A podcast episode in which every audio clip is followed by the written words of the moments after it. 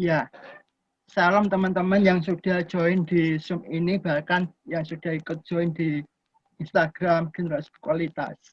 Ya, kita akan mulai yaitu acara live testimoni dari Pastor Brian Nelson. Ya, nanti saya minta Bro Roy untuk doa pembukaan. Waktu saya persilakan. Oke, mari kita bersatu dalam doa. Allah Bapa kami yang bertata dalam kerajaan sorga, kembali Tuhan, kami bersyukur buat penyertaan Tuhan dalam sepanjang kehidupan kami. Engkau sangat baik, bahkan Engkau teramat baik Tuhan, sampai pada malam hari yang indah ini, Engkau masih bisa pertemukan kami kembali Tuhan, walaupun hanya via virtual Tuhan. Sebentar kami akan memulai kegiatan kami Tuhan, kiranya biarlah Tuhan kau jaringan yang terbaik, kau cuaca yang terbaik ya Bapak, supaya dari awal sampai akhirnya nanti persekutuan kami ini, dan juga kegiatan yang akan kami lakukan Tuhan dapat berjalan dengan lancar ya Bapak, hmm. Supaya tidak terganggu oleh jaringan dan cuaca yang buruk ya Bapak. Terima kasih Tuhan Yesus, kami akan memulai live testimoni kami ini Tuhan. Kami serahkan sepenuhnya ke dalam tangan kuasamu Tuhan, biar Engkau yang bekerja, Engkau yang berkarya. Hanya di dalam nama Tuhan Yesus Kristus kami berdoa dan mengucap syukur. Amin. Amin. Waktu selanjutnya saya serahkan ke Pastor Brian. Hai guys, um, gue senang sekali. Pertama-tama gue mau berterima kasih untuk uh, generasi berkualitas dan juga pada teman-teman atas kesempatan ini untuk bisa sharing live testimony kepada kalian semua. Uh, dan perkenalkan nama gue Brian Nelson. Um, saat ini gue adalah an entrepreneur, but at the same time I'm a pastor. Kalau orang ngomong jadi apa? Pastorpreneur mungkin gitu ya. Nah, pastorpreneur Uh, dan hari ini gue dikasih kesempatan sama John ngomongkan untuk men-share my life testimony. Untuk memberikan kesaksian hidup gue, kenapa gue bisa ikut Tuhan, gitu. Mungkin gue mulai dengan dengan uh, dengan awal yaitu yang tema yang gue bawakan hari ini adalah mengenai kesempatan yang baru.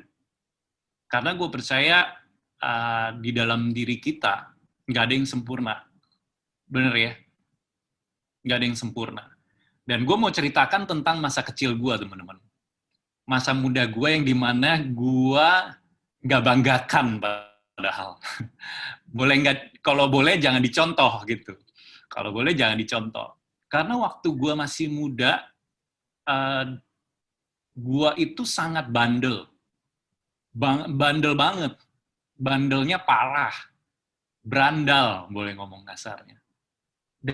Dan saat gua berumur 14 aja, gua udah mulai minum-minum alkohol, udah mungkin uh, nyoba sana nyoba sini, semua gua udah cobain gitu.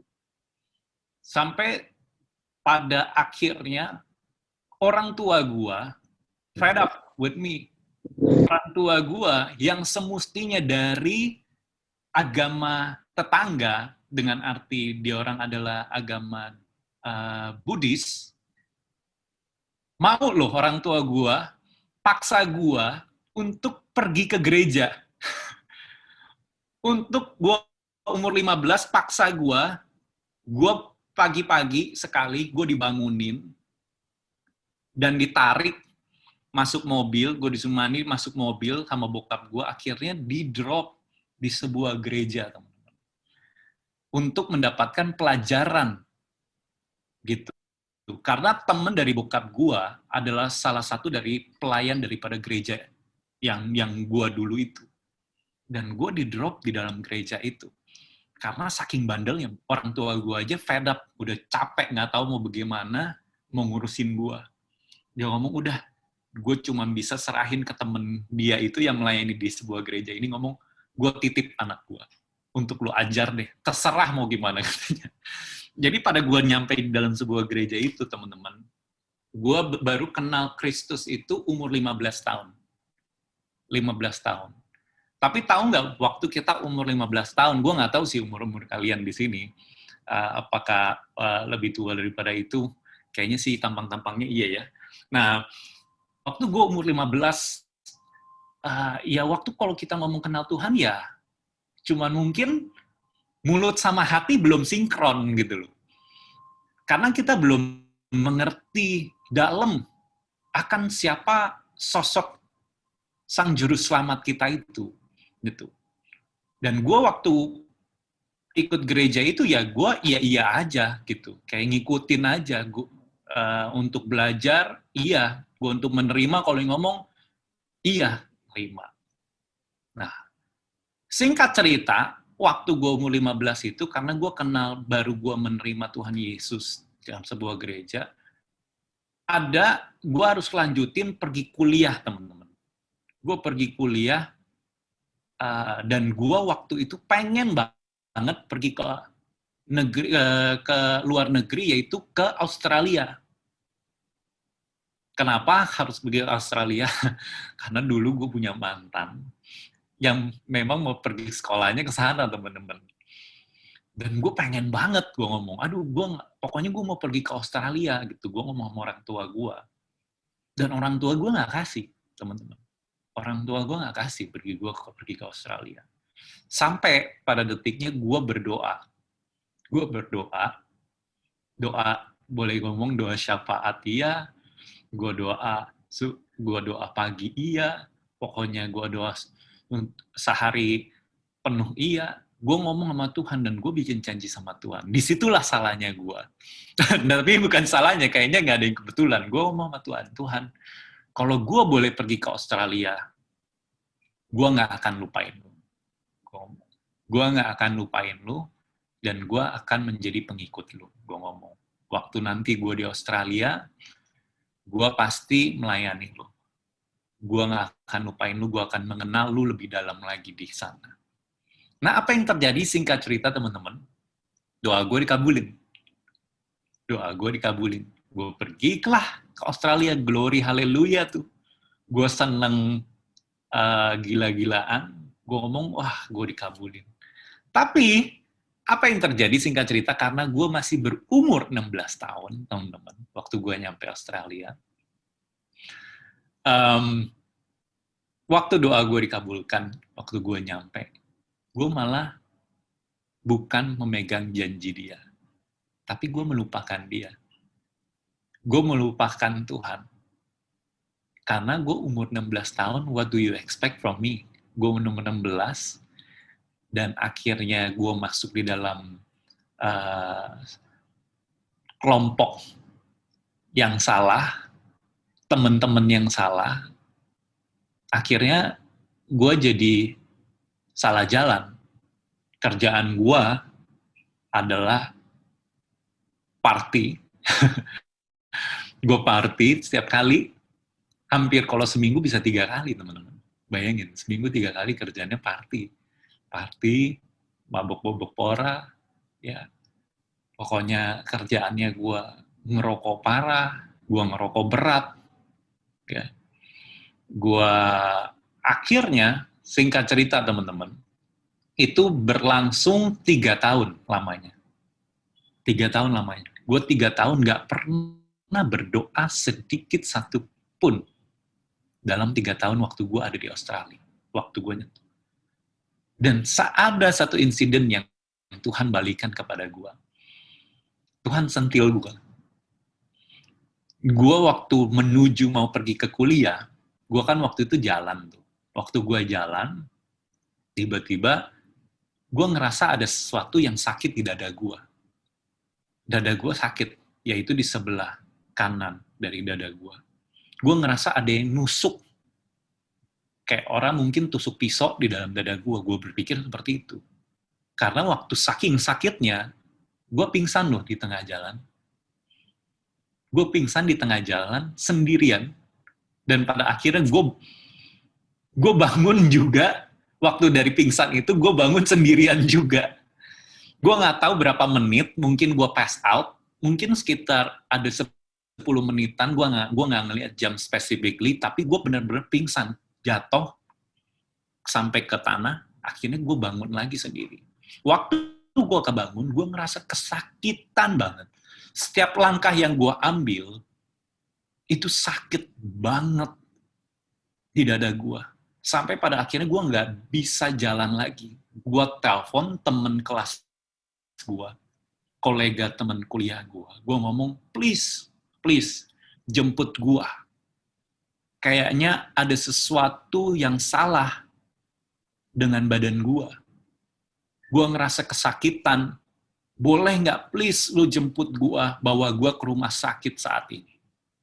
Akhirnya singkat cerita, dijemputlah gue, bawa ke rumah sakit.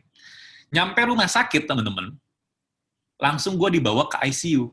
Untuk ngapain? Cek X-ray, CT scan, ya, cek untuk bagian torak, yaitu kalau mau cek torak untuk bagian dada gua, untuk cek apa yang masalah ada di dalam diri gua. Dan tiba-tiba dokter terkejut dengan nyampe menyampaikannya ke gua. Dia ngomongkan dengan sampai kekejutan dia ngomong gini, ayo udah nggak usah banyak ngomong, lu tanda tangan dokumen ini, kayak dokumennya dia ngomong untuk uh, istilah kata uh, untuk bertanggung jawab untuk kalau mau melakukan operasi gitu. Dia ngomong tanda tangan, udah pokoknya tanda tangan. Kenapa dok? Gitu. Dia ngomong kita harus ngelakuin operasi kecil saat ini. Gua harus belek bagian dada lu sedikit karena paru-paru lu bocor. dia ngomong paru-paru lu bocor. Dia ngomong paru-paru lu ada lubang, yaitu segini gede dia ngomong. Ada paru-paru lu ada lubang di segini gede. Terus si dokter ngomong sama gua, kita harus melakukan operasi yang kecil. Ya udah, gue ngomong, yuk kita lakuin. Gue langsung di anestesi, udah lokal, ya udah gue asal bangun-bangun, gue udah ada selang di dada gue. Ada selang di dada gue, panjang, kayak masuk ke mesin gitu. Jadi gue pegang. Nah, gue didiagnosa sama rumah sakit, sama dokter. Dia ngomongkan spontaneous pneumotorax jadi artinya ya untuk bahasa awam kita untuk gampang dimengerti, ya di ngomong paru-paru bocor aja gitu. Paru-paru gua bocor secara spontan. Tidak tahu kenapa, karena gua nggak ada riwayat dari keluarga gua nggak ada riwayat tentang masalah paru-paru, nggak ada genetika, tapi tiba-tiba secara spontan paru-paru gua bocor gitu. Nah, di situlah gue terbaring di dalam rumah sakit. Dan rumah sakit itu adalah rumah sakit uh, Katolik, teman-teman.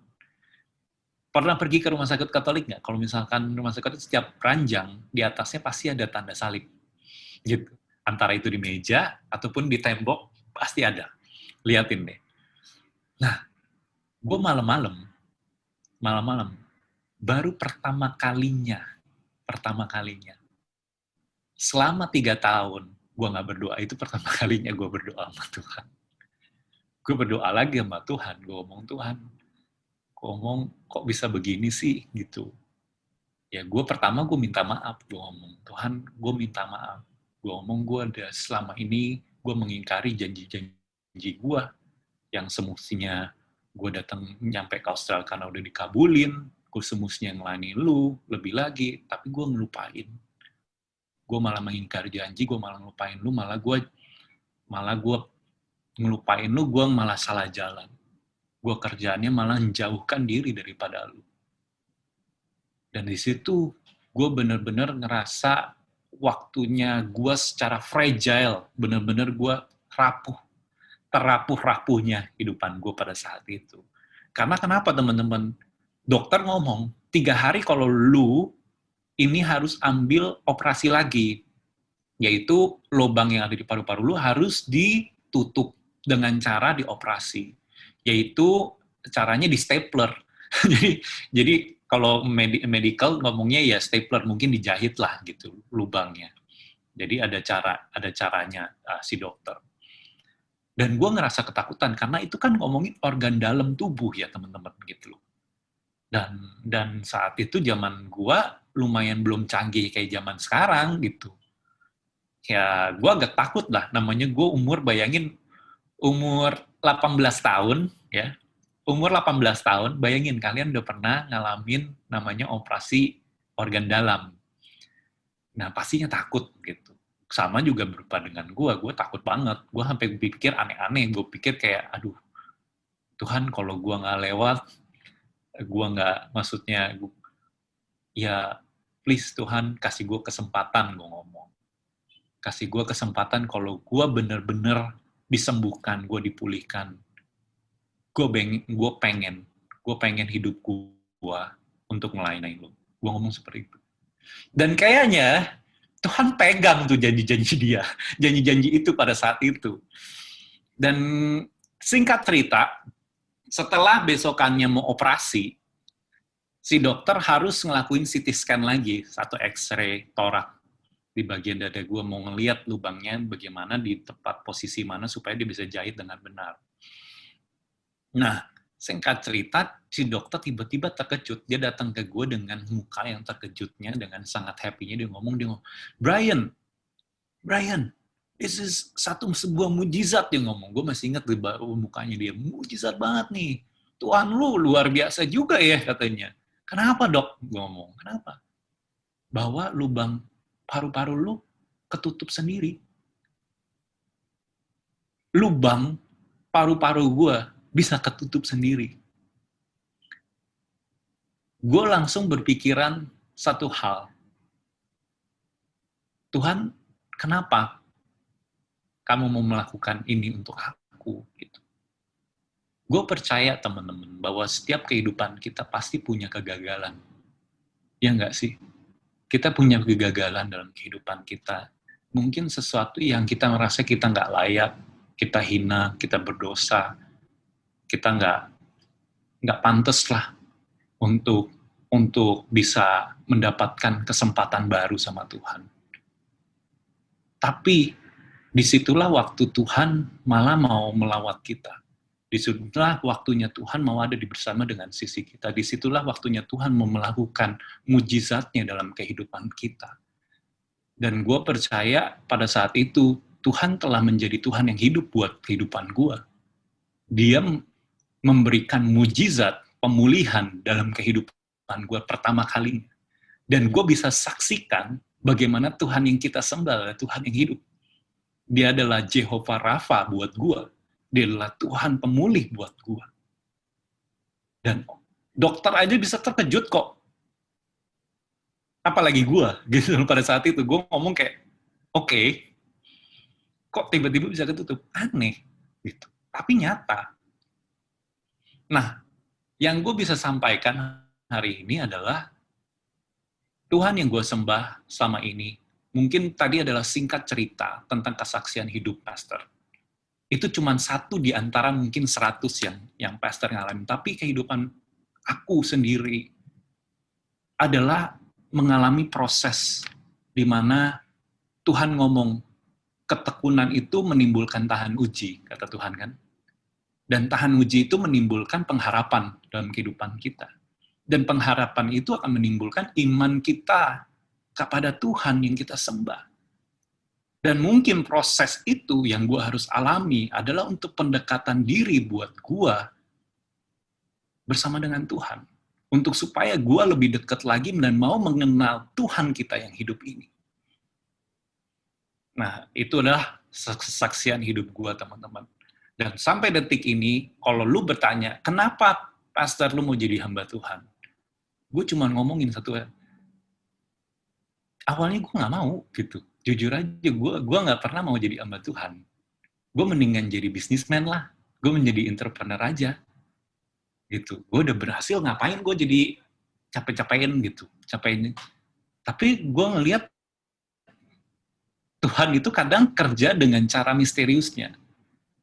Dia harus gue ngalamin sesuatu proses supaya jalan satu-satunya yang gue tempuh hanyalah bersandar dan taruh harapan kepada dia karena nggak ada yang gue bisa harapkan lagi. Hanya dia sepenuhnya adalah jalan dan hidup buat kehidupan gue. Itu aja sih, teman-teman, kalau kalian mau tahu tentang life testimony gue. Itu adalah salah satu tentang life testimony gue. Ya, saya percaya teman-teman yang sudah join di live IG maupun yang di Zoom meeting ini mendapatkan berkat yang luar biasa dari Pastor Brian dan saya sendiri pun terberkati ya. Karena mau apa ya meresponi panggilan Tuhan. Walaupun ada proses awal yang harus dialami sih. Mungkin ada teman-teman yang mau sharing atau bertanya kepada Pastor Brian saya persilakan. Bisa melalui chat IG ataupun yang di room ini silakan. Waktu saya serahkan bagi teman-teman yang mau sharing. Ada yang mau bertanya sama Pastor? Silakan.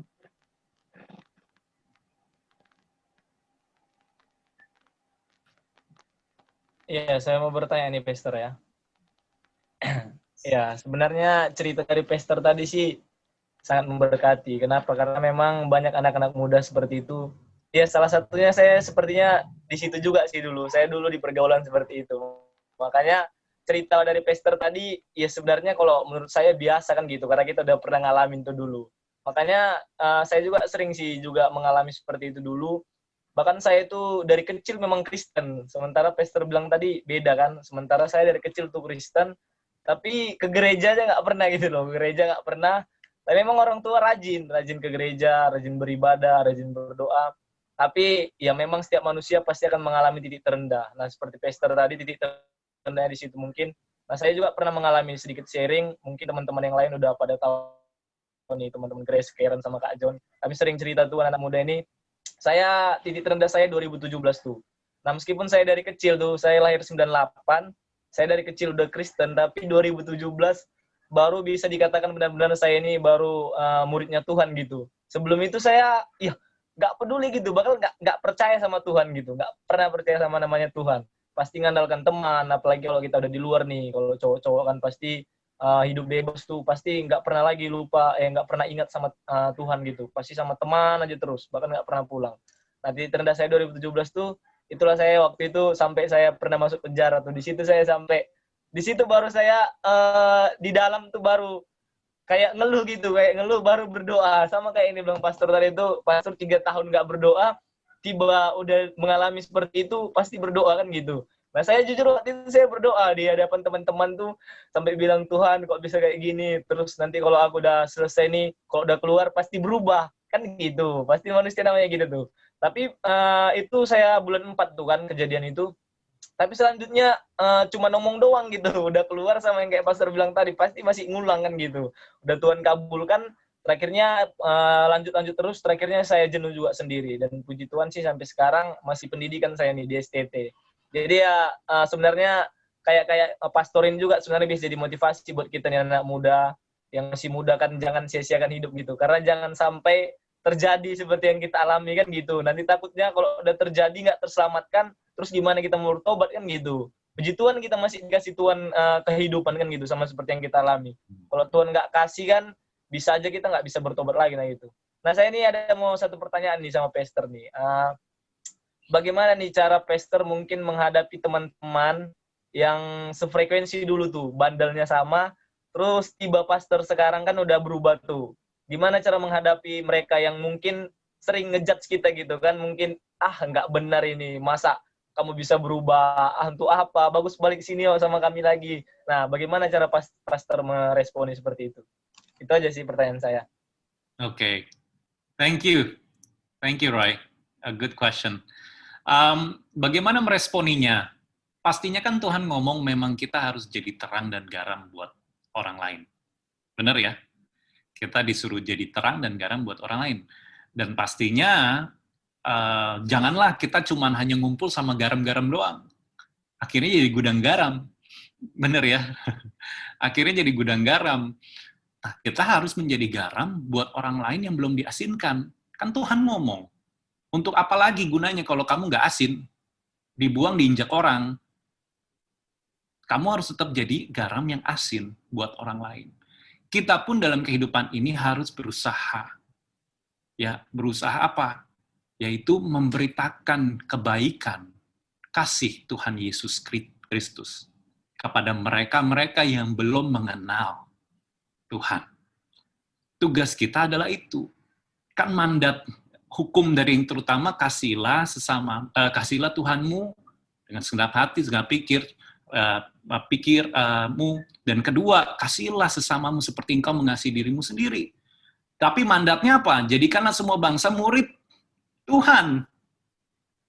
Betul ya? Dan kita harus punya satu mandat ini, kita harus jalankan. Kalau kita udah menjadi anak Kristus, kita harus jalankan mandat Tuhan ini. Tetapi, ah, ada tetapinya teman-teman. Kalau kita punya teman-teman, kita mau menangkan jiwa-jiwa orang yang memang beda frekuensi, mungkin kehidupan dia masih belum kenal Tuhan, dan mungkin dia masih hidupannya berdosa, kita harus tetap memenangkan mereka, iya benar. Tapi jangan sampai kita ke bawah sama dosa itu. Ya, jangan sampai lagi kita ke bawah sama dosa itu kita berpikir kita mau menangin dia, eh akhirnya kita yang dimenang, akhirnya mereka yang menangin kita, kita malah kembali kepada dosa lama kita itu, gitu loh. Nah, kita tugasnya janganlah jadi Tuhan. Kita kebanyakan manusia kita, ya, manusiawi kita, pengen jadi Tuhan. Kita berpikir, wah, kita itu Tuhan, gue harus menangin nih, jiwa ini satu orang ini, yang berdosa parah ini, mungkin dia apa pengobat gitu, bandar obat, mungkin dia pelacur gitu. Wah, gua pokoknya harus menangin nih jiwa ini. Nah, balik lagi iman kamu apakah sanggup? Karena Tuhan kan memberikan tugas dengan masing-masing kesanggupan kita. Jangan sampai akhirnya kita yang malah dimenangin sama mereka. Ya, kita yang harus memenangkan mereka. Tapi jangan sampai nih satu hal. Kita memberitakan kasih Tuhan benar. Kita memuridkan mereka juga benar. Tapi tugas yang terakhir bukan tugas kita, tugas Roh Kudus yang untuk bekerja, tugas Tuhan yang bekerja dalam kehidupan mereka untuk memenangkan mereka. Tugas kita adalah mengasihi mereka. Tugas kita memberitakan kabar baik akan Tuhan Yesus. Eh, gue punya loh sosok juru selamat, namanya Tuhan Yesus. Nah, lu mau kenal, kenalin kasih dia pembelajaran sosok Tuhan Yesus seperti apa. Dan praktekkan dalam kehidupan kamu bahwa kamu adalah uh, anak Kristus kepada mereka. Tetapi jangan sampai akhirnya kamu temenin, temenin, temenin, akhirnya kamu jatuh. Boleh nggak gue kasih satu ilustrasi? Ini agak-agak lumayan pelajaran, tapi uh, untuk kalian semua. Kalian uh, tahu cerita tentang kenapa Daud jatuh dalam dosa? Karena Betseba ya, kita kenal itu ya. Karena Betseba. Nah, dia dia jatuh dalam dosa karena kenapa? Karena ngelihat Betseba itu mandi, ya, telanjang bulat. Benar kan ya? Nah, pastor ada singkat cerita yang moral ini yang kalian harus ambil dan kasih jawaban ke pastor nanti. Bayangkan, bayangkan, bayangkan. Di, di, di Alkitab nggak dijelasin secara detail. Dia cuma ngomongin bahwa itulah petanda awal di mana Daud jatuh dalam dosa. Bahwa dia ngelihat Beseba mandi telanjang bulat. Ini seperti itu. Nah, pastor kasih satu ilustrasi. Contohnya kalian lagi baru move in, mungkin uh, nyewa kontrakan deh. Kontrakan, nyewa tempat, kontrakan, mungkin kosan di tempat kalian pada saat ini tapi tiba-tiba di tetangga kamu ada seorang pasangan beda kelamin gitu, ya. Beda beda gender dari kalian lah masing-masing. Jadi yang cowok ngelihat tiba-tiba cewek, yang cewek ngelihat cowok. Tiba-tiba somehow dari balkoni kalian, kalian bisa ngeliatin mereka mandi panjang bulat. Sama deh gitu. Tolong ini dicamkan baik-baik apakah waktu kalian ngeliatin mereka tiba-tiba telanjang bulat, kalian punya pemikiran mau bunuh kalau tiba-tiba mereka punya pasangan hidup, mungkin sih yang orang kamu ngelihat lagi mandi itu, dia punya pasangan hidup, mungkin dia udah punya, mungkin udah beristri, bersuami, mungkin contohnya seperti itu. Apakah kalian tiba-tiba berpikiran untuk mau bunuh suaminya atau istrinya? Itu satu pertanyaan untuk buat kalian. Coba boleh nggak dijawab? Maksudnya, pastor pengen tahu. Ini dalam pengertian kalian aja. Pastinya enggak dong, teman-teman. Itu psikopat namanya. Kalau kita tiba-tiba bisa ngelihat ngelihat seorang mandi tiba-tiba gara-gara dia telanjang tiba-tiba kena pengen bunuh pasangan hidupnya, itu kita psikopat. Nah, apa maksudnya pastor gitu? Apa maksudnya? Di Alkitab nggak di ngomongin secara detail berapa kali Daud ngeliat Betseba mandi.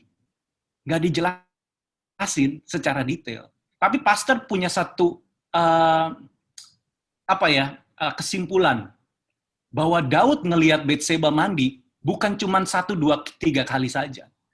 Dia ngeliat itu berkali-kali. Udah berkali-kali. Sama dengan kehidupan kita, teman-teman. Dosa itu, mungkin sekali kita kuat, kita punya iman, yang kita harus lalui uh, dengan dosa, yaitu apa? Seperti benar kata, seperti Yusuf, kita harus kabur. Mau digoda, kabur. Lihat dosa, kabur. Bukannya kita lawan, gitu loh. Tuhan ngomong bahwa kalau kita ngelawan, ya kita balik lagi lihat kesanggupan kita. Misalkan pastor nih, boleh nggak pastor kasih satu ilustrasi perumpamaan yang uh, yang se, se ekstrim ekstrimnya ya se ekstrim ekstrimnya gini. Anggap deh pastor dibawa ke tempat uh, untuk memenangkan jiwa mungkin ke tempat stripper atau pelacuran gitu contohnya ya. Ini contoh ini contoh ya teman-teman supaya kita bisa belajar. Mungkin sekali dua kali pastor kuat ngomong hadapin lihat cewek telanjang, bulat, waduh cantik-cantik, sekali kuat, wah haleluya, kita tolak di dalam nama Tuhan Yesus. Gitu ngomong kasarnya. Kita tengking, itu kita bahasa roh. Ya kedua kali, data lagi, wah kita lebih kencang bahasa roh. Ketiga kali, kita lebih kuat lagi. Gitu. Keempat kali, lama-lama gue ngeliat dalam hati, wah cewek ini cantik juga ya. Kelima kali, wah udah mulai goyah imannya keenam kali punya keinginan dalam hati. Makanya Daud bisa jatuh dalam dosa seperti itu. Nah, yang kita bisa ambil daripada cerita dari yang tadi Pastor simpulkan adalah, ya kita boleh menang, mau coba memenangkan jiwa teman-teman kita yang lagi berdosa. Tapi kita balik lagi, iman kita kuat enggak? Itu. Jangan jadi Tuhan, karena Tuhanlah yang harus memulihkan mereka. Kita tugas kita mengasihi mereka. Jangan tinggalkan. Bukan berarti kita harus uh tinggalkan mereka hilang gitu. Tapi kita ada, tapi bukan berarti waktu diajak untuk yuk kita misalkan minum-minum yuk. Kita ini yuk. Kita pikir kita kuat. Sekali kuat, dua kali kuat, lama-lama kamu jatuh kayak Daud. Gitu loh ceritanya. Itu loh, Roy. Iya sih, pas yang dibilang Pester tadi. Uh, kalau kita masih, apalagi masih baru nih ya kan, jadi kita nggak usah sok jago lagi tuh, sok kuat. Nah itu juga saya juga pernah juga, juga sih dulu ngalami itu pas baru masuk sekolah teologi nih. Ya banyak sih sebenarnya lika-liku yang hidup yang saya alami pastor kan gitu. Waktu saya masih semester satu tuh uh, sempat saya mau melarikan diri tuh. Bahkan kampus saya di Surabaya, terus ada teman nih, teman di Surabaya kota. Saya kan di Mojokertonya. Ya teman bandel juga tuh dari Medan dulu kan, kami dari Medan dulu sama, cuman dia kerja di sana kan. Terus dia kayak ya nyuntik-nyuntik gitu lah kan namanya juga teman lah kan namanya juga teman. Kebetulan saya juga baru pertama kali tuh masuk asrama yang dulunya bebas, nggak ada aturan. Tiba-tiba masuk asrama kan, wah itu pasti sakit sekali rasanya. Nggak bisa pegang HP selamanya kan gitu. Ada ada jam-jamnya tuh kalau STT kan gitu.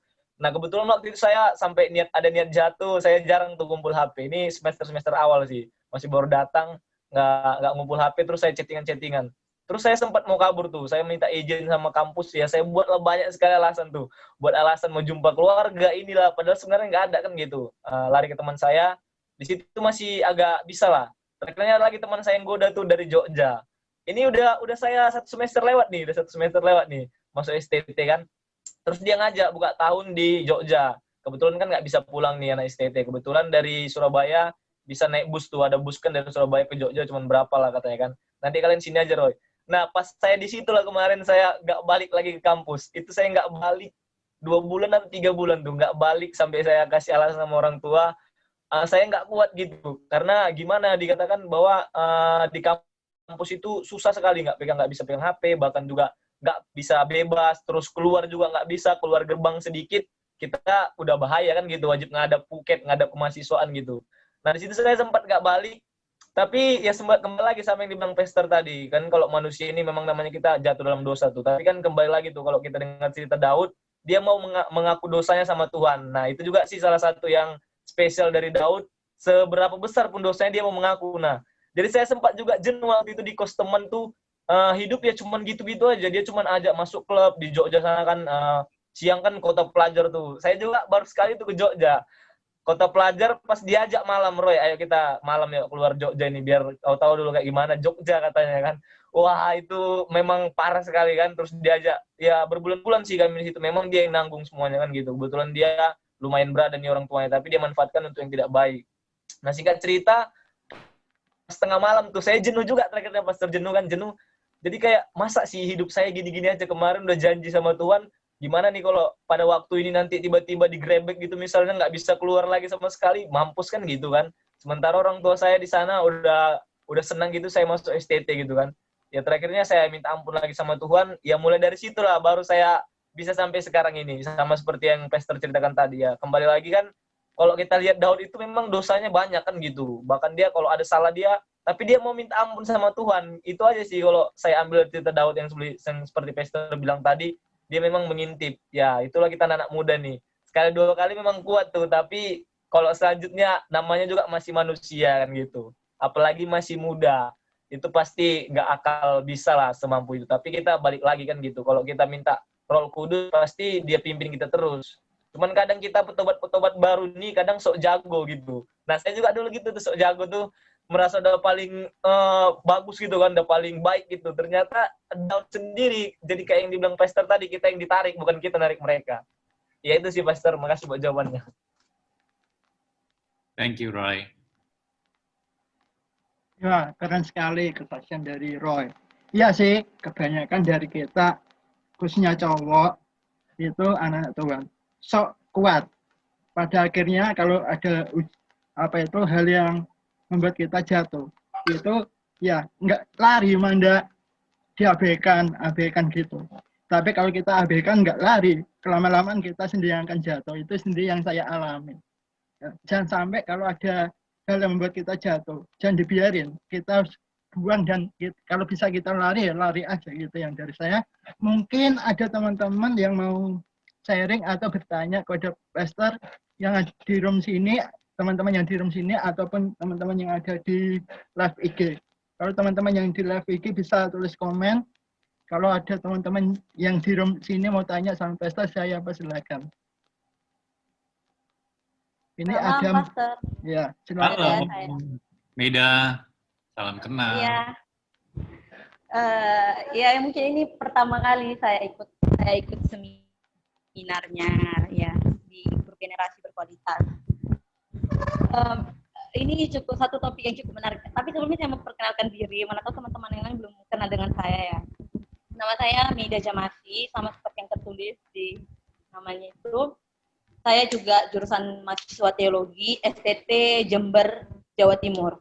Dan sekarang tingkat akhir dan nunggu wisuda. Dan saya ini asalnya dari suku Nias, Sumatera Utara.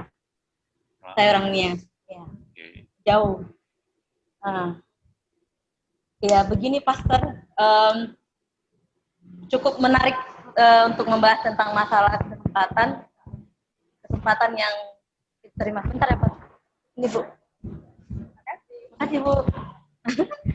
ya, lagi jualan Pastor. Oh, nice. Iya, sambilan. Biar ramai ya. jualannya. Iya. nah, begini Pastor. Ini satu topik yang cukup menarik dan mungkin berba, beberapa bukan beberapa mungkin ada bagi banyak uh, kaum muda yang sekarang ini mengalami banyak tekanan problem yang dialaminya mungkin dari cerita dari pastor juga salah satunya. Dan dengan begitu banyaknya permasalahan sendiri pun Tuhan juga memberikan begitu banyak kesempatan gitu loh. Kan hmm. kesempatan tiap orang kan berbeda-beda nih. Dan cara dan proses Tuhan itu sangat menarik dibahas untuk diciptakan gitu lah. Jadi uh, satu titik saya juga uh, sepakat dengan mungkin saya juga mengalami pengalaman yang hampir sama dengan kak dengan kak Roy ya kak Roy yang uh, ya gimana lah ini bercerita tentang bagaimana ketika saya sebelum masuk STT mungkin sudah pernah yang namanya jatuh dalam pergaulan bebas ya kan kalau untuk kalau standarnya cowok ya kalau cowok nih ya standarnya kalau kalau cowok nih standarnya kan biasa aja gitu loh dalam pergaulan kan nggak terlalu kelihatan gitu tapi kalau cewek ini terlalu kelihatan gitu ya kan baik itu dalam tingkah laku dia, cara berbicaranya dia, ataupun pola pikirnya dia sekalipun itu. Karena cewek kan sangat dijaga sekali dalam hal martabatnya gitu ya. Ada ya pasti salah ini. Tapi di sini dengan bukan cuma pengalaman pribadi saya dan mungkin ada beberapa muda-mudi yang saya ketemu juga pernah mengalami masa yang sulit sampai mereka sampai akhirnya mereka mengalami rasa uh, insecure, rasa pengen nggak percaya diri, khusus uh, khususnya para wanita. Uh, dan biasanya yang paling sangat terjebak dalam itu adalah uh, seks bebas ya. Hmm. Ya di sini sangat memang sangat uh, vulgar sekali sih. Cuman memang untuk sekarang ini masa-masa ini ada kerinduan di hati untuk bisa menolong teman-teman yang wanita-wanita yang seperti itu. Sampai merasa aduh insecure ya aduh gak berharga gitu loh. Memang pada dasarnya konsep secara teologinya bahwa Tuhan itu mengampuni gitu loh maha pengasih maha penyayang. Dia nggak berbatas atas terbatas akan kasih karunia-Nya. Tapi memang secara psikologi ada rasa takut dalam diri tidak berharga dan sebagainya. Dan memang ada dan ada begitu banyak cerita-cerita juga tentang Kak Raditya Oloan kan bersama dengan rekan istrinya itu sangat memberkati. Tapi hanya ada satu pedoman yang sangat kuat saya tarik dari Kak Raditya Oloan yang dia berkata begini, kalau Tuhan masih kasih kamu koma, kamu jangan kasih dia titik. Gitu. Yeah. Intinya yeah. untuk teman-teman jangan terlalu insecure ataupun ataupun merasa rendah diri karena Tuhan itu masih memberikan kesempatan gitu loh. Benar Nah, tapi untuk pertanyaannya begini, Pastor. Uh, bagaimana sih caranya untuk kita bisa memberikan satu pemahaman yang lebih sederhana gitu loh untuk untuk mereka yang memang nggak ada nggak ada pemahaman kalau oke okay lah dia merasa Tuhan itu maha pengasih maksudnya tapi lebih kepada perkataan yang untuk menguatkan mereka gitu loh apa ada yang ada banyak contoh Alkitab tapi yang lebih spesifik untuk lebih menyederhanakannya kan kayak kita kan orang yang teologi ini kan bingung juga gimana cara mengaplikasi uh, pemaparan aplikasinya dalam kehidupan sehari-hari seperti itu hmm. bisa berbagi cerita. Ya.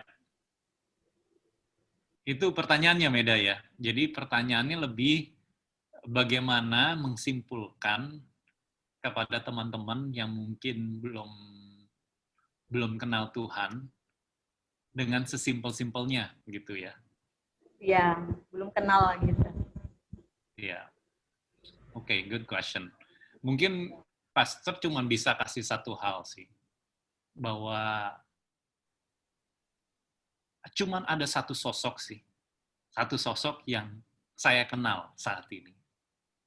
Dia adalah teman, dia adalah Tuhan yang mau mati untuk kita. Mau mati untuk kita loh. Itu sesuatu yang ekstrim menurut kalau kita bahasa di dunia ini, siapa yang mau mati untuk kamu? Belum tentu loh, maksudnya sekarang uh, orang tua aja, mungkin bahasa oh, mau mati untuk anaknya misalkan, atau anaknya ngomong mau mati. Gampang untuk di ngomongin, tapi untuk dilakukan apakah gampang? Tapi Tuhan Yesus mau mati untuk kita. Makanya ada firmannya di ngomong kasih yang paling terbesar adalah kasih yang memberikan nyawanya kepada teman-temannya.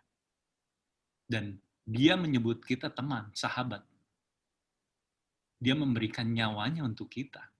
Dan dia mati di kayu salib untuk menebus apa? Dosa-dosa kita. Orang-orang yang semestinya tidak layak, semestinya kita berdosa. Orang-orang yang mestinya ya istilah kata ya udah ditinggalkan aja. Ngapain harus diselamatkan? Tapi Tuhan mau. Gitu. Dan mungkin ada satu firman Tuhan yang gue keinget cuman satu sosok. Waktu itu Tuhan Yesus sebelum mau dihakimi kan, uh, dia dis, jadi masyarakat disuruh pilih dia atau Barnabas. Masih ingat nggak ya cerita itu? Dia ngomong, dan Barnabas padahal orang uh, dia adalah pembunuh, perampok.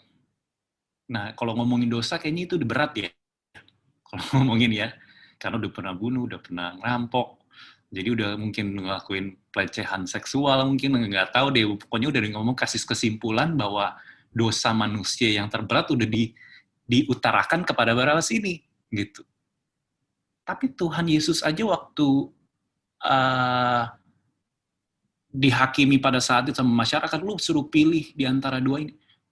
Tuhan Yesus tidak mengatakan sedikit kata apa pun nggak membela, nggak menyebutkan dan dia menutup mulut bibirnya secara secara istilah kata dia benar-benar tutup mulutnya.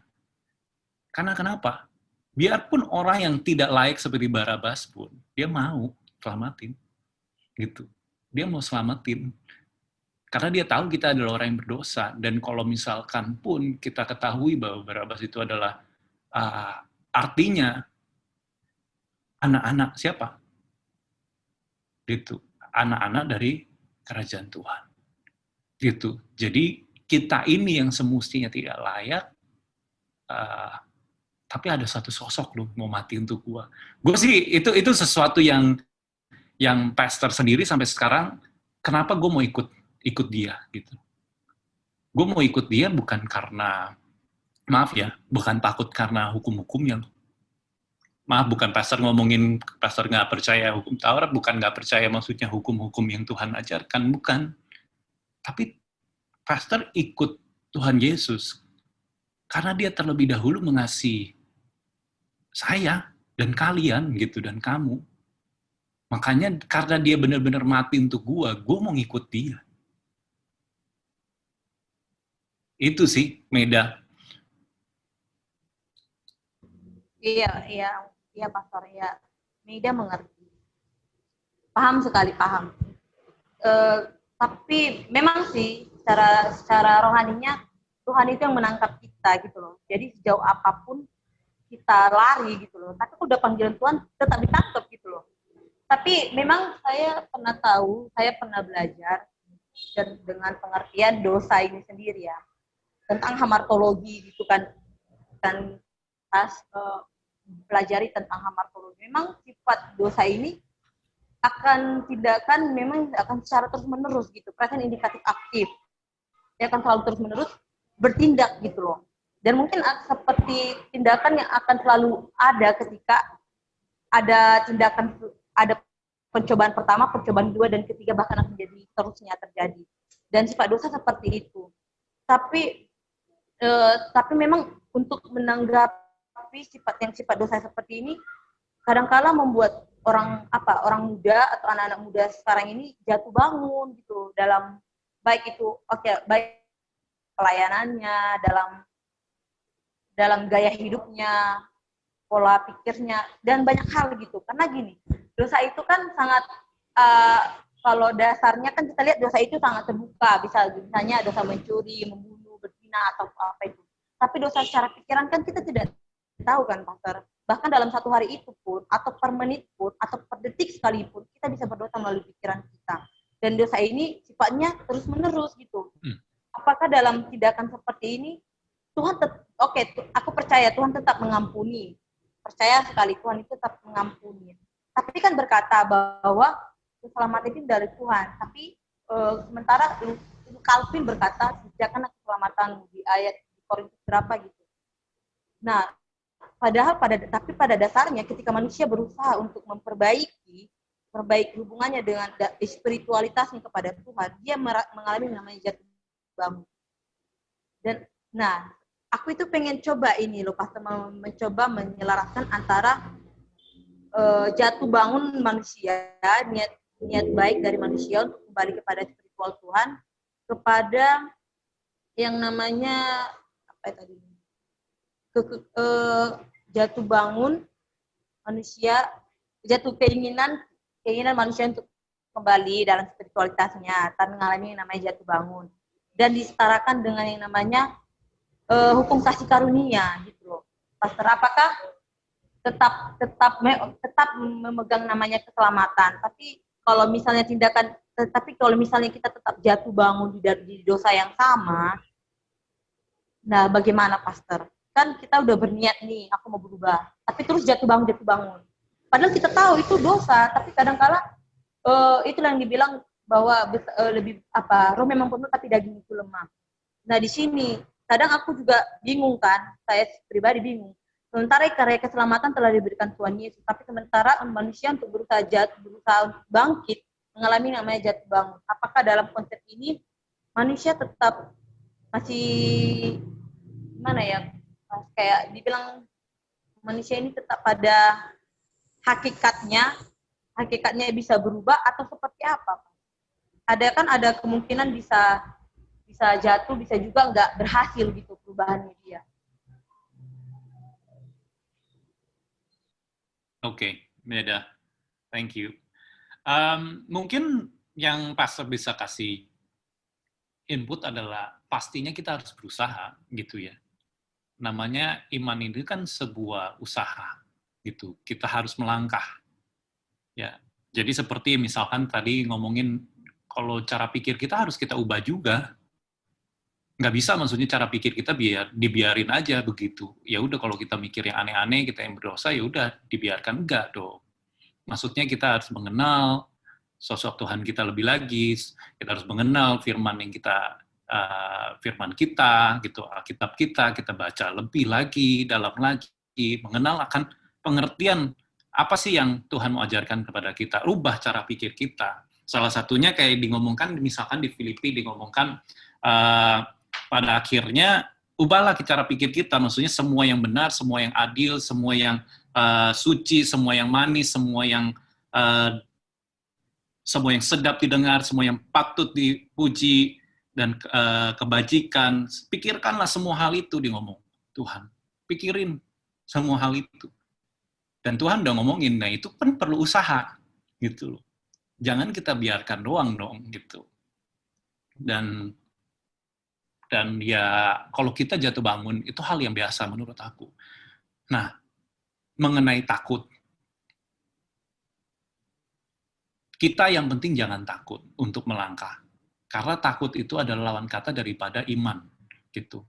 Takut itu adalah sebuah intimidasi daripada sang iblis untuk mengganggu pikiran kita supaya oh, kamu nggak bisa, lu nggak bakal bisa, gitu. Supaya lu nggak maju, supaya kamu nggak berubah. Cara pikir kamu nggak berubah, kehidupan kamu nggak berubah, supaya kamu udah terluput aja daripada dosa. Itu cara kerja iblis untuk dengan taruh di dalam pikiran kita untuk takut, gitu. Yang kita harus lakukan, responi ketakutan itu untuk maju dan melangkah. Kegagalan itu biasa. Beda. Kegagalan itu hal yang biasa. Dan Tuhan nggak marah kalau kita gagal. Tuhan akan memberikan kesempatan-kesempatan terus, menerus. Makanya hari ini temanya adalah kesempatan yang baru. Aku yakin Tuhan kita adalah Tuhan yang memberikan kesempatan. Tapi kalau kita takut, kita tidak mau berubah, kita tidak mau melangkah, di situlah Tuhan mungkin marah sama kita. Karena aku percaya kegagalan itu sangatlah hal wajar. Seperti misalkan, kenapa bangsa Israel muter-muter 40 tahun di padang gurun. Prosesnya itu-itu aja. Tapi itu sebuah kegagalan, gitu. Tapi apakah Tuhan nggak memberikan kesempatan pada akhirnya mereka nyampe ke tanah kanaan? Ya enggak? Kalau mereka aja bisa diproses 40 tahun, ya kalau tadi kamu nanya, kok kita diuji itu-itu lagi prosesnya, itu-itu lagi prosesnya. Ya bayangin aja bangsa Israel diproses 40 tahun di Padang Gurun. Baru akhirnya bisa menuju tanah kanaan. Itu sih, beda yang penting adalah jangan takut untuk melangkah karena takut itu adalah lawan kata daripada iman dan saya percaya Tuhan uh, tugas kita di bumi ini cuma Tuhan mau membentuk kita menyempurnakan kita supaya kita benar-benar mempunyai iman yang benar terhadap Dia. Itu. Oke, Pastor. Terima kasih banyak Pastor untuk ya. Sama. Ya, mungkin kalau ada teman-teman yang mau bertanya atau sharing, saya kasih kesempatan sekali lagi ya ini Nanti setelah itu akan kita akhiri dan kita akan doa penutup dan doa berkat. Ya. Aku enggak. Ya enggak apa-apa, Grace.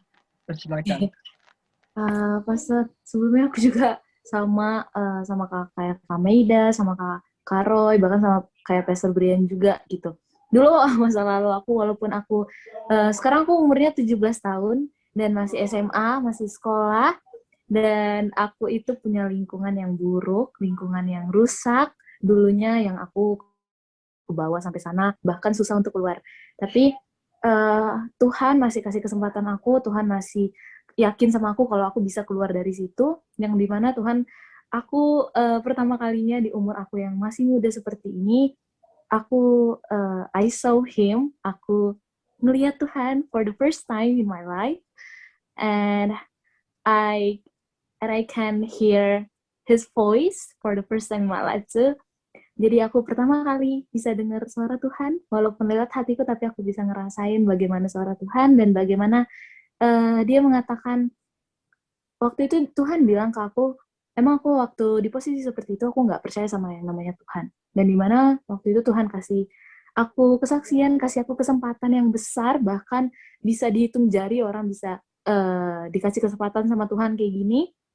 Yang di mana aku tahu aku orang yang penuh punya banyak dosa dan banyak di luar sana yang bahkan kenal Tuhan tuh lebih jauh bahkan lebih baik. Tapi Tuhan yakin sama aku Tuhan percaya sama aku jadi Tuhan kasih yang di mana aku bisa aku waktu itu ngelihat Tuhan aku waktu itu uh, feeling touch with Him aku feeling touch aku dengar suara Tuhan and melihat Tuhan gitu. Jadi di mana waktu itu aku punya uh, yang di mana aku waktu itu mungkin aku karena masih terlalu muda jadi aku shock karena aku ngelihat Tuhan yang di mana aku mikir Tuhan mau ngambil aku waktu itu yang sampai di mana ketika aku lihat Tuhan for the first time aku bilang di hati aku kalau memang Tuhan mau ambil aku that's okay nggak apa-apa. Yang penting aku sama Tuhan waktu itu. Aku sampai bilang gitu waktu itu di hati aku. Dan di situ uh, kesaksian aku juga di mana Tuhan itu uh, ngajak aku ngomong itu berkali-kali betapa nggak tahu dirinya aku yang meninggalkan dia tapi Tuhan yang uh, datang ke aku Tuhan yang nunjukin kalau dia ada dan Tuhan yang ngomong ke aku. Berkali-kali ngajak komunikasi walaupun dari hati aku tapi aku bisa ngerasain gimana sakitnya Tuhan waktu nanya ke aku kenapa aku masih belum percaya sama dia? Gitu. Aku di situ ngerasa wow sakit.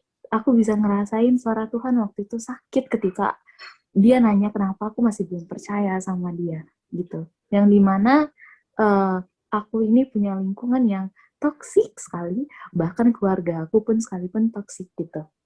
Yang di mana uh, aku juga Buddhism, uh, keluarga mamaku, tapi keluarga mamaku udah pindah ke Kristen, yang di mana waktu itu aku uh, gak dikasih yang namanya izin dan gak dikasih dan pasti banyak pertentangan dari keluarga mamaku yang aku sampai pelayanan sampai seperti ini, tapi itu bisa aku lewatin dan di mana waktu itu uh, aku aku ini punya anxiety and aku sering uh, untuk konsul ke psikolog karena aku punya trauma di masa lalu, hmm. trauma terhadap lingkungan-lingkunganku yang di mana uh, sampai sekarang itu belum sembuh dan susah untuk menghilangkan traumatiknya susah untuk menghilangkan uh, dan memperbaiki mental health aku.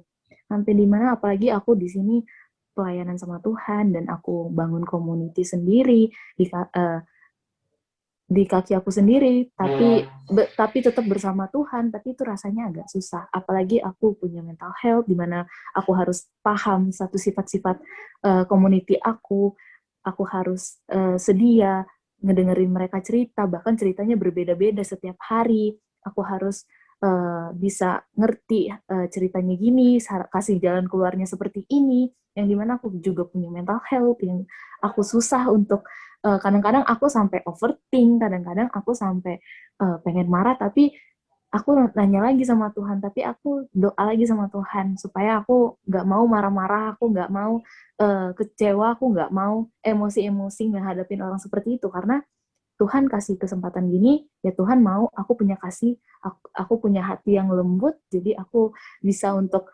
uh, bisa untuk ngebimbing mereka dan bisa untuk ngajak mereka sama-sama untuk uh, ngelayanin Tuhan pakai hati yang lembut gitu. Yang di mana aku sendiri di sini agak sedikit susah, agak sedikit bingung karena aku juga punya anxiety, aku juga punya mental health.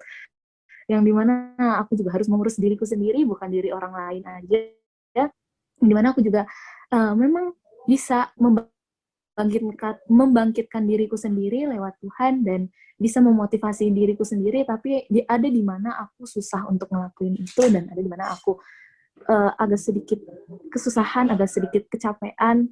Bahkan aku pengen punya motivasi dari orang-orang lain yang di mana aku pengen uh, aku ngelihat motivasi-motivasi dari orang lain ya bisa aku terima tapi agak sedikit ngeganjel dan agak sedikit aku susah untuk menerimanya. Karena mungkin agak berbeda pikiran aku sama pikiran mereka. Apalagi mereka belum belum pernah ngerasain yang namanya uh, anxiety atau mental health.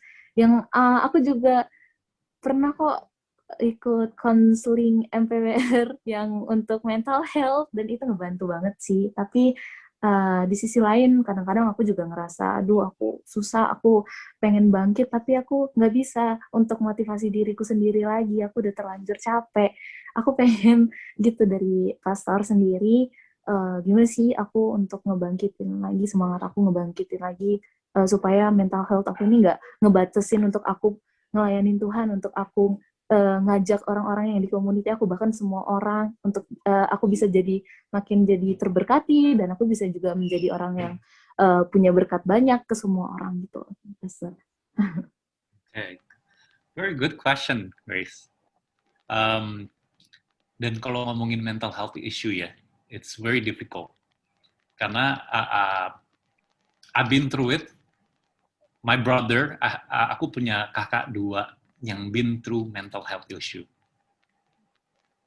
Uh, ini semestinya jadi aib, tapi kalau misalkan kamu tahu kenapa aku bisa ikut Tuhan saat, sampai saat ini, itu karena proses, bukan karena aku mau. Gitu. Tapi aku percaya dari setiap proses ini, Tuhan buktiin di dalam kehidupan pastor, bahwa dia telah menjadi Tuhan yang hidup, dan dia memegang janji-janjinya, dan dia genapin semua permasalahan pastor dengan dengan memulihkan keadaan pastor pada saat. Singkat cerita, dua kakak saudara pastor sendiri punya mental health issue. Satu uh, didiagnosa bipolar, satu didiagnosa skizofrenia. Itu adalah dua mental health yang berat, teman-teman. Boleh di ngomong slash to slash, ya udah gila. Gitu tapi Tuhan tetap nyanggupin untuk memulihkan mereka. Nah, satu hal yang mungkin aku bisa kasih tips kepada Grace adalah mungkin tadi dari perbincangan kita dari awal pun Grace nanya, gimana kalau aku harus take rest? Gitu. Aku percaya itu waktunya kamu untuk dekat melekat sama Tuhan. Mengerti akan fondasi yang sesungguhnya adalah kasih yang daripada awalnya yang kamu butuhkan kasih Tuhan. Untuk pengenalan kamu akan Tuhan kamu yang besar, yang mengasihi kamu dengan luar biasa. Biarpun dengan kekurangan kamu pada saat ini. Mungkin kamu punya mental health issue, saat ini kamu punya paranoia, anxiety yang tadi kamu ngomongkan. Kamu itu dikasih Tuhan kita harus terlebih dahulu mengerti bahwa Tuhan mengasihi kita dengan sangat-sangat besar. Kalau kasih itu sudah ada di dalam diri kita, kita mulai lama-lama mulai hilang kok anxiety itu. Kita mulai mengerti bahwa, oh oke, okay, kita itu berharga, kita itu bernilai ya. Kita itu nggak usah khawatir. gitu. Kita nggak perlu mikirin sesuatu yang nggak perlu dipikirkan. karena kebanyakan orang punya mental health issue uh, selalu mikirin sesuatu yang di luar daripada kemampuan mereka. Gitu. Dan nggak perlu gitu. Biar serahin ke Tuhan. Kita tahu bahwa kehidupan kita dituntun sama Tuhan kok. Ya aku percaya Grace kamu pun akan dipakai Tuhan dengan luar biasa. Justru dari cerita kamu ini yang tadi kamu mungkin trauma kamu ngomongin kamu itu itu menjadi kekuatan strength buat kamu untuk bisa memberkati orang banyak. Itu bahwa jadi satu powerful testimoni bahwa kamu karena cerita itulah di dalam diri kamu, kamu bisa memberkati orang. Itu sih Grace. So, um, if you ask me, uh, jangan pernah jangan pernah mikir kayak begini. Uh, karena orang punya mental health issue adalah enemy-nya satu pikiran. Itu aja. Enemy-nya pikiran kita sendiri. Lawan kita adalah kita sendiri. Pikiran kita sendiri. Nah, bagaimana kita bisa melawannya harus mengerti bahwa oke, kita punya ada satu sosok yang memang benar-benar mengasihi kita tanpa syarat. Biarpun dalam kelalaian kita, mungkin ke uh, masa lalu kita, mungkin traumatik kita yang menghantui kita, itu biar biar Tuhan Tuhan tetap mengasihi kita padanya. Itu sih Grace. ngebantu sih pastor karena aku juga ngelewatin hal-hal berat tapi aku minta sama Tuhan setiap hari untuk dikasih kekuatan baru pengharapan baru bahkan jiwa yang baru aku pengennya gitu tapi bersyukurnya Tuhan selalu ngedenger eh, doa-doa aku selalu ngejama doa-doa aku bahkan aku bisa berdiri sampai sejauh ini dikasih kepercayaan sama Tuhan yang di mana aku juga udah eh, aku juga sampai ada di mana di usia aku seperti kayak masih 17 tahun masih terlalu muda. Tapi Tuhan percaya aku untuk eh, dari aku kesaksian banyak di tempat wadah dan nggak cuma itu Tuhan percaya sama aku untuk nulis buku nulis buku eh, yang sebenarnya lagi aku tulis juga dan Tuhan sampai di mana Tuhan waktu itu nunjukin aku lewat mimpi nunjukin aku lewat eh, walaupun Tuhan ngejawab doa aku lewat, lewat mimpi terus tapi aku aku waktu itu bingung Eh, Tuhan ngasih aku nunjuk aku buka buku aku udah nulis buku dan buku aku eh, di situ aku masih belum mikir judulnya apa tapi aku berdoa sama Tuhan. Malam itu aku berdoa sama Tuhan. Tuhan kalau memang Tuhan pakai aku walaupun keterbatasanku I have a mental issue, issue and aku berdoa sama Tuhan. Kalau memang Tuhan ngizinin aku untuk pakai aku lebih eh, dalam lagi lebih jauh lagi aku pengen Tuhan kasih kemudahan, Tuhan kasih buka jalannya. Aku bingung Tuhan, aku harus kasih judul buku ini apa, sedangkan Tuhan udah nunjukin di mimpi aku, aku harus ini, aku tugas aku harus ini. Dan di mana waktu itu malam itu juga, malam itu aku berdoa dan malam itu juga Tuhan jawab doa aku, yang di mana dia langsung kasih langsung lewat walaupun lewat mimpi, tapi aku bisa ngerasain Tuhan ngejawab dan Tuhan Tuhan bilang uh, living by His grace gitu. Jadi aku di situ langsung pikir, oh oke, itu judul yang dikasih sama Tuhan. Yang sampai di mana co- aku coba untuk uh, buat bukunya dan ternyata judulnya di approve. Ternyata Tuhan kasih aku kesempatan lagi, Tuhan kasih aku kemudahan lagi dan Tuhan kasih aku jalan lagi untuk walaupun aku di usia muda aku seperti ini, aku punya keterbatasan mental, aku punya uh, anxiety, aku punya overthink, tapi aku bisa ngelewatin semuanya. Itu sih pastor yang buat aku kuat sampai sekarang. Aku selalu ingat visi misi aku, tujuan aku apa, aku ngelakuin ini semua untuk Tuhan, untuk diri aku sendiri, bukan untuk dilihat orang lain atau bukan untuk orang lain. That's Thank so you, good. pastor. So good, Grace. I know. Uh, let me speak empowering for you. I want to speak empowering for you, ya, kalau boleh. Grace, I, I felt that God gonna use you amazingly. Itu justru karena uh, permasalahan kamu inilah kamu akan dipakai Tuhan. Tuhan akan libatkan kamu dalam uh, generasi-generasi ke depan ini untuk mengubahkan mungkin anak-anak muda pada saat-saat ini. Dan mungkin nanti ke depan hari banyak orang, anak-anak muda yang akan punya masalah dengan mental health issue mereka. Karena uh, percaya, apalagi kita di dalam kehidupan yang digital, ya, mungkin terkadang banyak orang yang merasa feel isolated. Ada feeling they're alone. Mereka melarikannya ya kepada kehidupan digital. Dan di situlah kamu dipakai Tuhan. And and from your testimonies, let there be use as your strength. Gitu. Jangan pernah takut dan selalu semangat bahwa Tuhan akan selalu menyertai kehidupan kamu. Uh, Pastor percaya bahwa greatly that, that Tuhan mau pakai kamu luar biasanya. Ya. Sih Grace. Thank you, Pastor.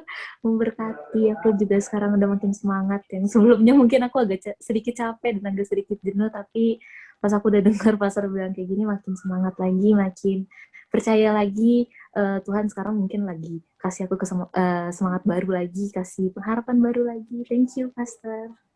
Sama-sama, Grace. Ya, ini waktunya kita untuk foto bersama. Teman-teman yang close kamera bisa open kamera. Teman-teman yang close kamera bisa open. Oke. Nanti dalam hitungan ketiga akan saya foto. Silakan teman-teman menata dirinya masing-masing. Ya, saya tunggu. Wow, ada Bro Michael yang siap-siap. Keren, keren, keren. Dalam hitungan ketiga nanti akan saya screenshot. Satu, dua, tiga. Ya, teman-teman. Bentar.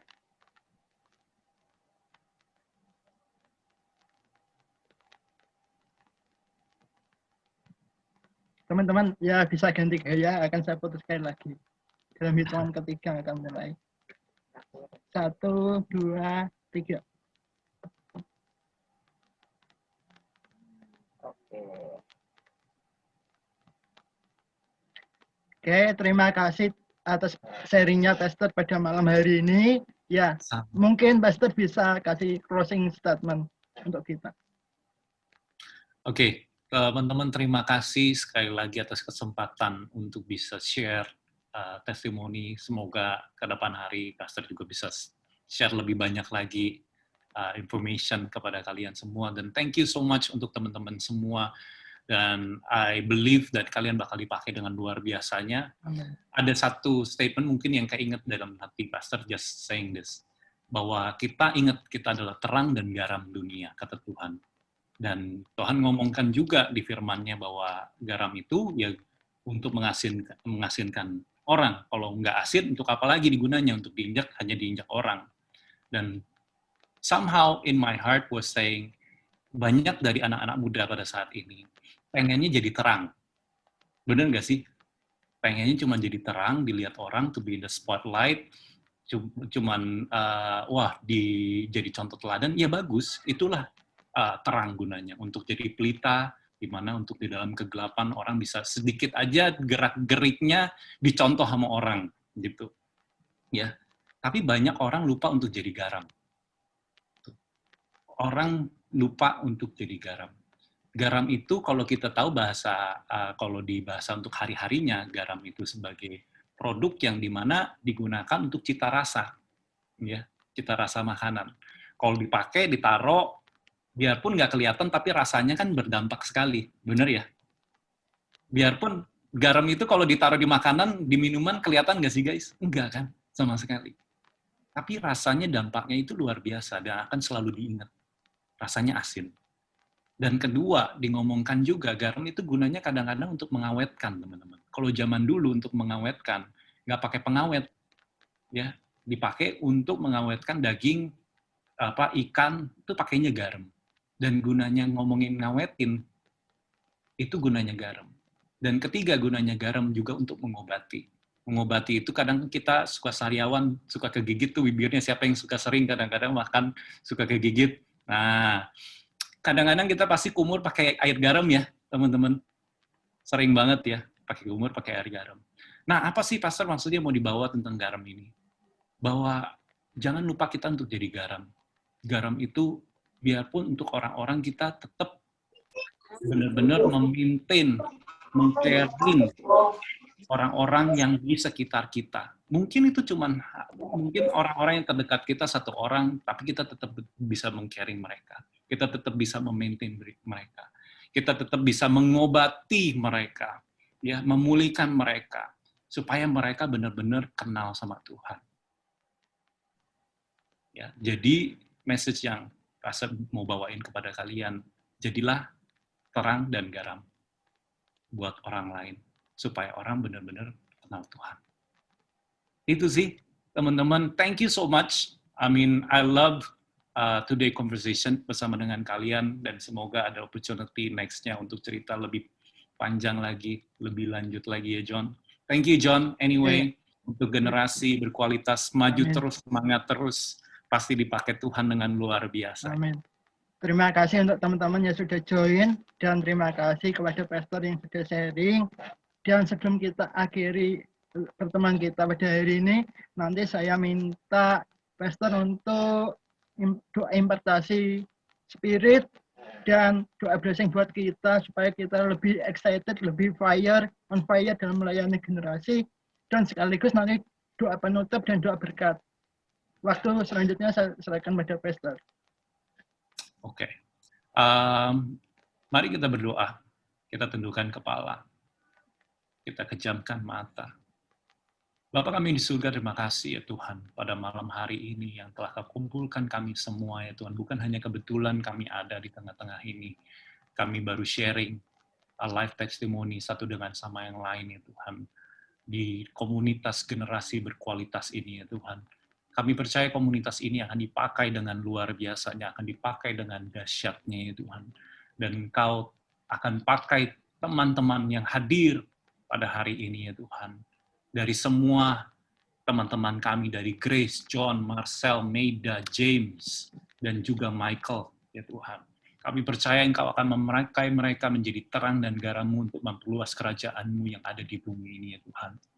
Mereka bukan hanya mau, cuman hanya mau kelihatan untuk just for uh, self-centered di dalam uh, untuk melayani Engkau, tapi mereka benar-benar menjadi garam untuk mengasinkan orang-orang yang belum mengenal Engkau ya Tuhan. Biarpun mungkin kita nggak dipuji, mungkin pun kita nggak uh, dikasih uh, mungkin like sama orang lain, tapi kami percaya bahwa Engkau sendiri yang mengkasih like kepada kehidupan kami, ya Tuhan. Engkau sendiri yang memuji kami, Engkau sendiri yang mengatakan, Hai hamba yang setia dan yang baik, Engkau telah melakukan semua perkara dan menjadi terang dan garam buat banyak orang. Dan pastinya Tuhan akan memberkati kalian semua. Saya percaya Tuhan akan memakai kehidupan kalian lebih dahsyat lagi, lebih luar biasa lagi.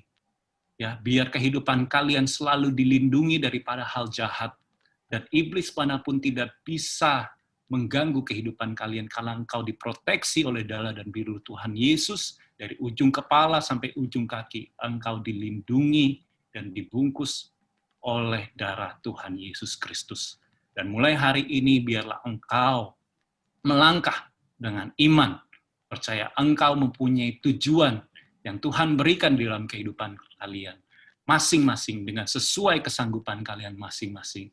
Dan kami percaya engkau akan dipakai dengan luar biasa untuk membawakan nama Tuhan untuk dibesarkan di orang-orang sekitar kalian.